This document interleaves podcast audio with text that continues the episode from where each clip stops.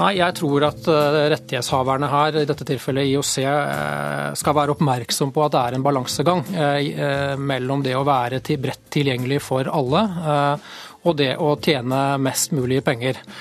Og når de da i tillegg nå viser såpass med muskler at de sikrer seg fire hva skal vi kalle det, en kremarrangement, eh, fire OL, så viser det at TV Norge er virkelig blitt en stor, stor aktør, helt på linje med, med NRK og TV 2 i Norge. Det viser at de internasjonale selskapene er i ferd med å kjøre over de norske og nordiske medieselskapene. Eh, og når Discovery kjøper rettighetene for hele Europa, paneuropeisk, så er det klart eh, NRK og TV 2, som har stått eh, sammen om et bud her, blir eh, småfisk i forhold. Kurer. NRK P2. Sol over Roma, et hetedyr som svir i luften, lys som buldrer lik hvite eksplosjoner rett inn i hjernen på en.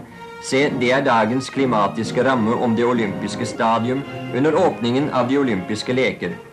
Hvor synes vi ikke å fornemme den hektiske stemningen, den sugende opprømtheten som alltid preger en sportsbegivenhet som de olympiske leker er, bare ved synet av den imponerende flaggborgen, av publikum med ansikter som glefser av villig forventning i soldampen, av de offisielle myndigheter som presiderer på de flaggsmykkede spesialtribuner. Er man føler hvordan spenningen stiger i kappløp med temperaturen der de forskjellige nasjoners tropper marsjerer inn i et korsett av aktpågivenhet. Dette lydklippet var fra Filmavisens dekning av åpningen for de olympiske sommerlekene i Roma i 1960. Dette var før fjernsynet hadde fått fotfeste i Norge, men interessen for de olympiske lekene var likevel stor også her til lands. Ettersom årene har gått, er senderettighetene til store idrettsarrangementer som fotball-VM, Champions League og de olympiske leker blitt ganske så kostbar. Nylig sikret mediegiganten Discovery Communications seg rettighetene for vinter-OL og sommer-OL fra 2018 til 2024 for i overkant av 11 milliarder kroner. Lasse Gimnes er kommunikasjonsrådgiver i Gimcom. Han mener de store internasjonale medieaktørene kjører over de norske allmennkringkastingene. Det viser en enorm offensiv satsing fra et av verdens eh, store medieselskap, dvs. Si Discovery. Og det viser at de internasjonale selskapene er i ferd med å kjøre over de norske og nordiske medieselskapene. Det har vi sett i lang tid. Vi har sett at uh, ja, type, type Skipsted prøvde seg med Sesam søkemotor og ble kjørt dampevals over av Google. Eh, Telenor prøvde seg for et par år siden med Komoyo, som skulle bli den store streamingportalen i Norge. Så kom Netflix og kjøpte opp det som var av attraktive eh, rettigheter, og Komoyo la seg dø. Og vi har flere slike eksempler. Vi ser nå at det er de internasjonale selskapene som tar de mest attraktive posisjonene i norske media, og også stikke av med pengene. Det er jo også slik at f.eks. det er Google som omsetter for mest i det norske reklamemarkedet i år, og ikke lenger TV 2. Eh, så, så, så vi ser en internasjonalisering, og vi ser at størrelse gir kraft, og da kraft i denne sammenhengen til å kjøpe eh, OL, ikke bare for skal vi si, ikke bare ett OL, men fire OL i samme jafs. Men denne internasjonaliseringen, som du sier, hva betyr det for oss vanlige idrettsinteresserte eh, TV-seere? Akkurat dette kjøpet her av fire OL tror jeg ikke betyr så veldig mye. Jeg tror at Eh, TV Norge, Eurosport og Max, dvs. Si Discovery-kanalene, kommer til å lage et fantastisk bra OL. Det var jo også slik da eh, NRK mista OL og TV 2 fikk OL, så var det mange som var skeptiske på om TV 2 klarte dette som de da hadde i Sotsji i fjor. Og jeg vil si at NRK har alltid laga fantastisk gode OL. Det gjorde også TV 2 til gangs. Og mange er nok skeptisk nå til eh, Discovery. Jeg tror at det kommer til å bli knallbra. Det har også vært snakket veldig mye om å få disse på åpne kanaler. og Det er snakk om disse gratistimene. Hvordan kan man forklare det, at man har krav på så og så mange såkalte gratistimer under OL?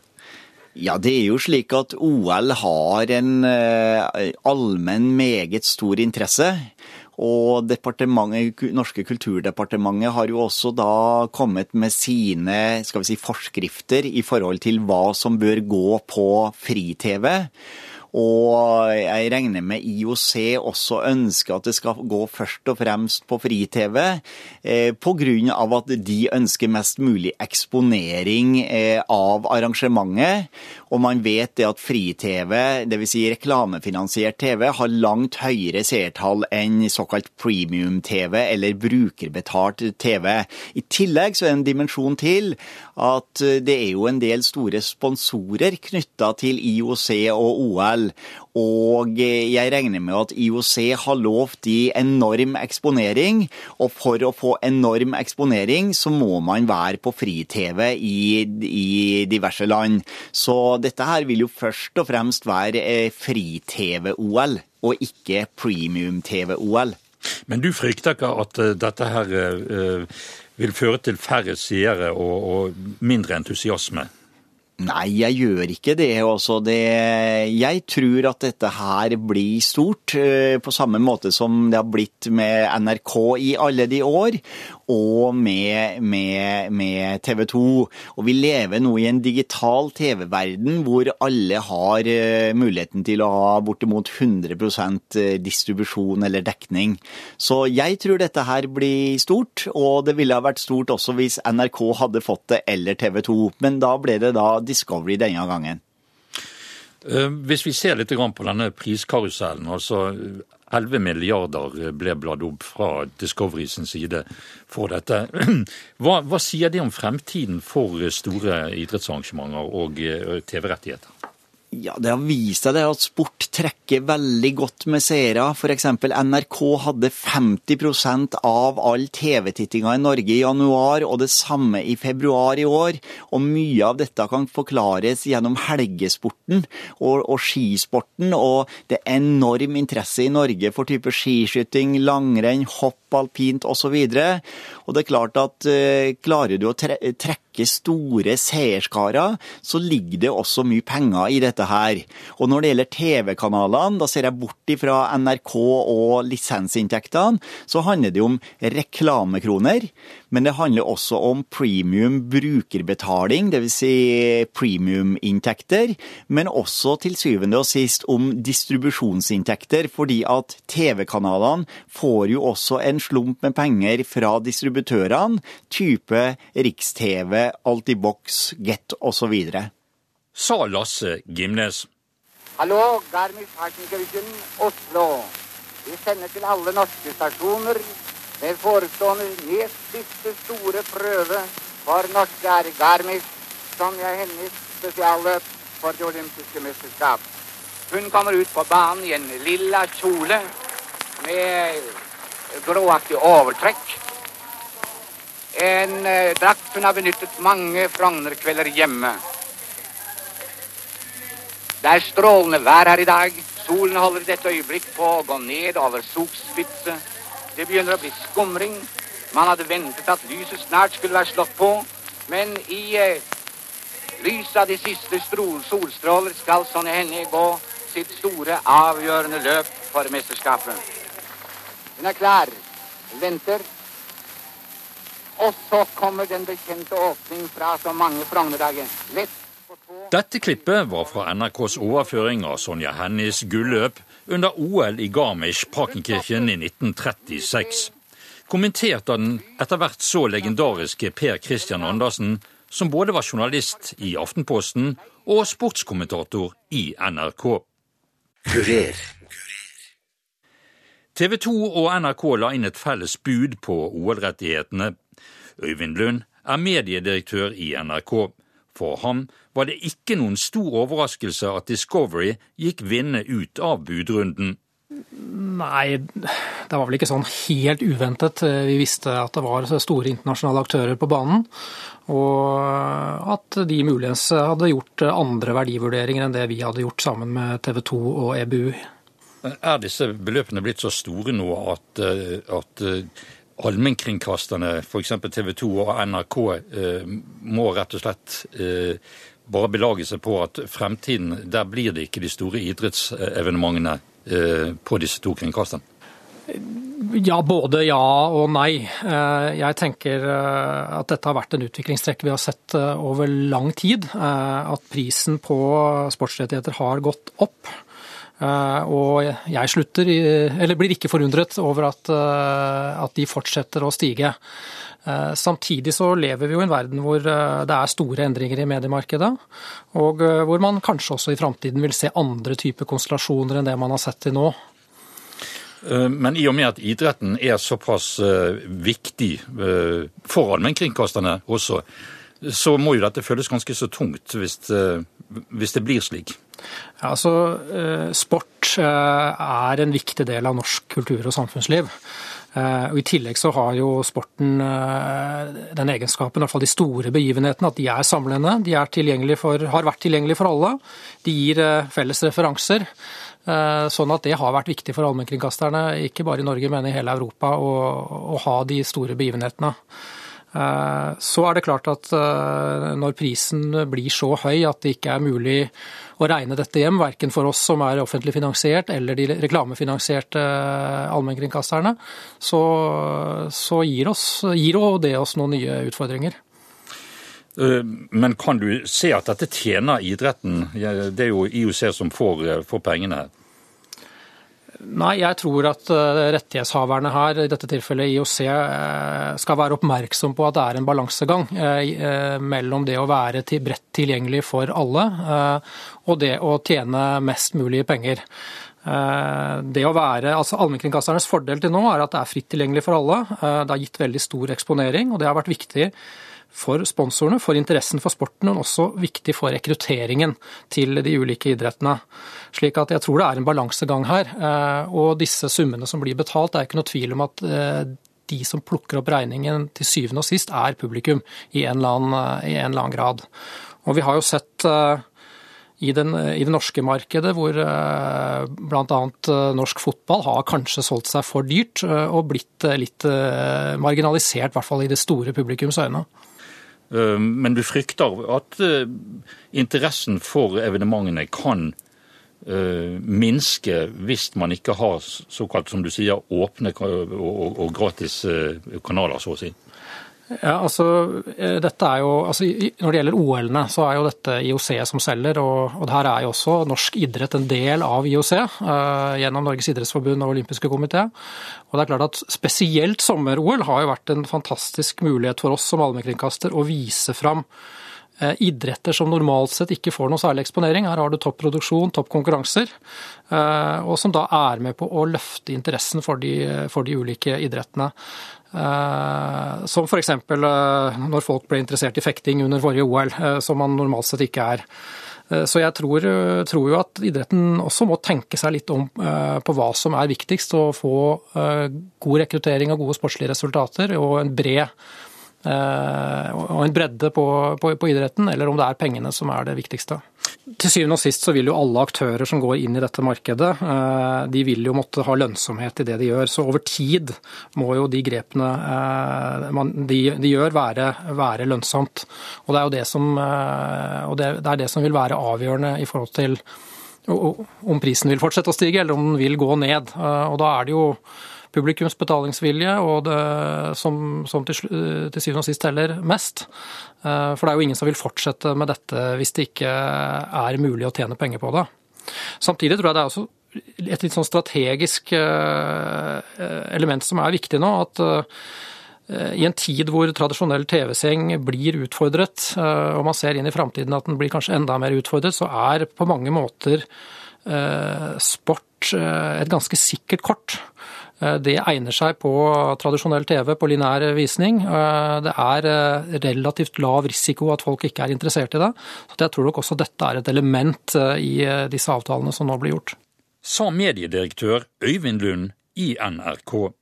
Og så samler vi all oppmerksomhet og alle gode ønsker om nestemann, start nummer seks, vår første representant, Arnfinn Bergman. Fra Freide Trondheim. Jubelen bruser imot ham idet han kommer utfor. Han velger sporet helt til venstre, er på hoppet nå og satser nå. God sats, høyt og luftig, tøyer godt, langt og et elegant nedslag på Bergman. Desidert beste hopp hittil. Denne radiooverføringen fant sted under OL i Oslo i 1952 med 100 000 mennesker samlet i Holmenkollen under OLs siste dag. Kommentatorene var Rolf Kirkevåg og Halvdan Hegtun. Jan Petter Dahl er kommunikasjonssjef i TV 2. Det var eh, selvfølgelig en, en, skuffende dag da vi fikk beskjeden, men eh, vi tar dette med fatning. Eh, og når Discovery kjøper rettighetene for hele Europa, paneuropeisk, så er det klart NRK og TV 2, som har stått sammen om et bud her, blir småfisk i forhold. Eh, men hva kan dette gjøre? Nå har vi en pris på ca. 11 milliarder for disse fire evenementene. Eh, hva gjør det med interessen, tror du, for eh, når det gjelder publikum, at man får det på en såpass ja, foreløpig liten kanal som TV Norge?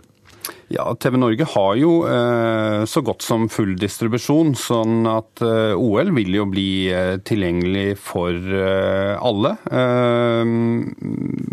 Eh, på samme måte som det tidligere har vært på NRK, hvor det var på TV 2 tidligere. Men eh, det blir jo da for seerne og skal flytte fokus over på nok en ny OL-kanal etter at vi er ferdig med å sende OL fra Rio, som vi har rettighetene til neste år. Men ser du noe negativt i denne utviklingen i det hele tatt? Nei, altså det er fri og åpen konkurranse, og, og uh, vi kan gjøre det vi kan. Og her prøvde vi et uh, ærlig forsøk, uh, de to allmennkringkasterne i Norge sammen, NRK og TV 2. Men vi nådde dessverre ikke fram på disse rettighetene. Men det er klart, NRK og TV 2 har bl.a. mange rettigheter framover sammen, som fotball-VM og EM-sluttspill i mange runder framover. Og, og lista er jo på en måte lagt fra NRK gjennom eh, mange år og fantastiske sendinger. Eh, vi fikk mye skryt for vår Sotsji-dekning og eh, har lagt lista helt på topp når det gjelder OL i Rio neste år. Og så må jo de da følge opp i de OL-ene som kommer etter dette. Og vi vet jo at marginene for å feile er null når det gjelder OL. Det så vi i Sotsji. Og man skal ikke Altså det norske, spesielt vinteridrettspublikummet, er ekstremt kravstore. Og man har rett og slett ikke lov til å feile. Nå er det jo kjent altså 11 milliarder for disse fire evenementene. Mm. Betyr dette at prisene vil stige ytterligere, er du redd for, for store rettigheter når det gjelder rettighetskjøp for store idrettsarrangementer? Ja, det er ingen tvil om at, at det ser man jo også på, på, Premier League, som nettopp ble solgt i England til rekordsummer, som fortsatt ikke er solgt til resten av verden. Men sportsrettigheter de siste årene har bare gått én vei, og det prisen går oppover. Bekymrer det deg? Ja, det er klart det bekymrer oss at, at, at rettigheter blir såpass dyrt. Og det er klart når, når, vi og andre skal kjøpe rettigheter, så skal man jo eh, tjene disse pengene inn igjen. Og til syvende og sist så blir jo denne spiralen som igjen gjør at det blir dyrere for publikum å se dette. Og, og så vet man jo også at det er jo til slutt en grense for hvor mye eh, publikum eh, ønsker å strekke seg når det gjelder betaling sa kommunikasjonssjef i TV 2 Jan Petter Dahl. Den eh, er den god nok? Den er bra nok, og hva vinner Glelle? Gjør de det? Nei, det gjør de ikke! Norge vinner, Norge vinner gull! Norge vinner OL-medaljen! I... Steinen var ikke bra nok satt av Kevin Martin, og den skled så vidt det var borti. Og det er bare snakk om en centimeter eller to. Dette var fra OL i Salt Lake City i 2002, da hele Norge ble glad i curling. Kommentarene var ved Ave Fuglum og Øystein Ingdal. Knut Kristian Hauge er ansvarlig redaktør i bransjebladet Kampanje. Det er klart, Konkurransebildet blir jo endra, og det har det jo på mange måter vært vært eh, de siste årene. Discovery har gradvis styrket seg, eh, sakte og sikkert, i det norske TV-markedet og blitt en stadig tøffere konkurrent eh, til først og fremst TV 2, men også NRK. Man snakker jo i dag på mange måter om at det er tre jevnstore TV-konsern. Eh, går du fem år tilbake i tid, så var det to store, NRK og TV 2.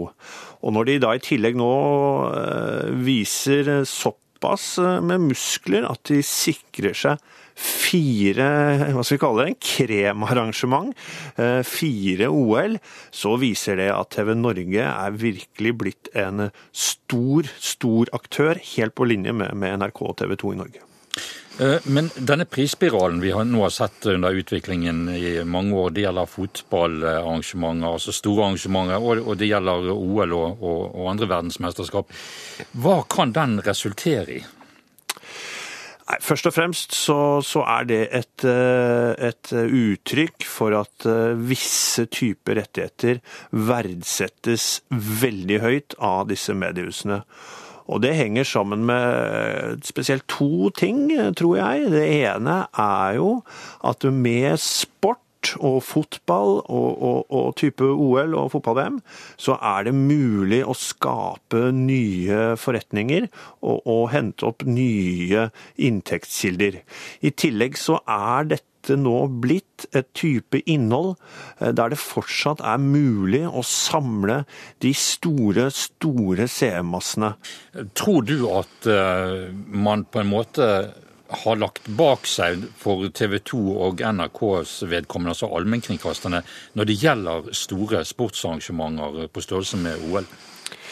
Jeg håper jo ikke det. Jeg begynner jo å bli såpass årene at jeg har jo en liten nostalgi i forhold til dette med å se stor sport på NRK og, TV 2. Men eh, hvis man skal være litt kynisk på det, så, tror jeg nok at når det gjelder OL, så vil Rio-OL i 2016 bli det siste OL-et vi, vi, vi, så på en eh, allmennkringkaster, det være seg NRK eller TV 2. Men finnes det ikke andre konstellasjoner som gjør at man allikevel kan eh, sikre dette til f.eks. TV 2 og NRK? Jo, nå er det jo innført uh, en ny lov som skal sikre at disse, disse store idrettsarrangementene med samfunnsmessig betydning skal gå på åpne kanaler. Uh, og det gjøres jo hele tiden forsøk på, på å, å, sørge for at det, det, norske folk, det norske publikum, får dette tilbudet gratis og uten å måtte betale. Uh, men sånn sett så, så, så, er jo alle disse kravene innfridd av TV Norge. De er en kanal med over 90% dekning, og den er jo åpen og, og, og gratis. Eh, I hvert fall i forhold til at man kan se den eh, uten å betale eh, de vanlige premiumprisene. Så, så, mm, så, sånn sett så er kravene innfridd. Når det gjelder NRK og TV 2, de får rett og slett konsentrere seg om visse typer rettigheter. TV 2 har jo blitt veldig sterke på fotball, har jo Premier League og, og er sikkert interessert i norske tippeligaen igjen. Men det er klart det er et tilbud som, som da vil ligge bak en betalings, betalingsløsning. Men hvis dette forsvinner mer og mer inn i, i du, du, nevnte tidligere at disse utgiftene vil jo seerne bli nødt til å betale, men finnes det en smertegrense der? Ja, man sier jo nå at man godt kan eh, betale nærmest et fullt huslån på hvis man skulle sett all TV-fotballen i, i, i, Norge. Så det er klart, det er jo en smertegrense der. Eh, hvor den er, er jo ikke godt å si. Eh, samtidig så kommer det jo nye konkurrenter inn i markedet og, og, og presser prisen ned også. Mange lurte jo på hva i all verden skal disse TV-distributørene leve av, som har solgt TV-pakker til, til 300-400 kroner, og så kommer plutselig Netflix og sier at her kan du se alle mulige filmer og serier for 79 kroner. Så det er jo klart, det skjer jo også så det skjer også ting i markedet som gjør at eh, det er press på, på prisene til, til forbrukernes beste, og det er jo bra.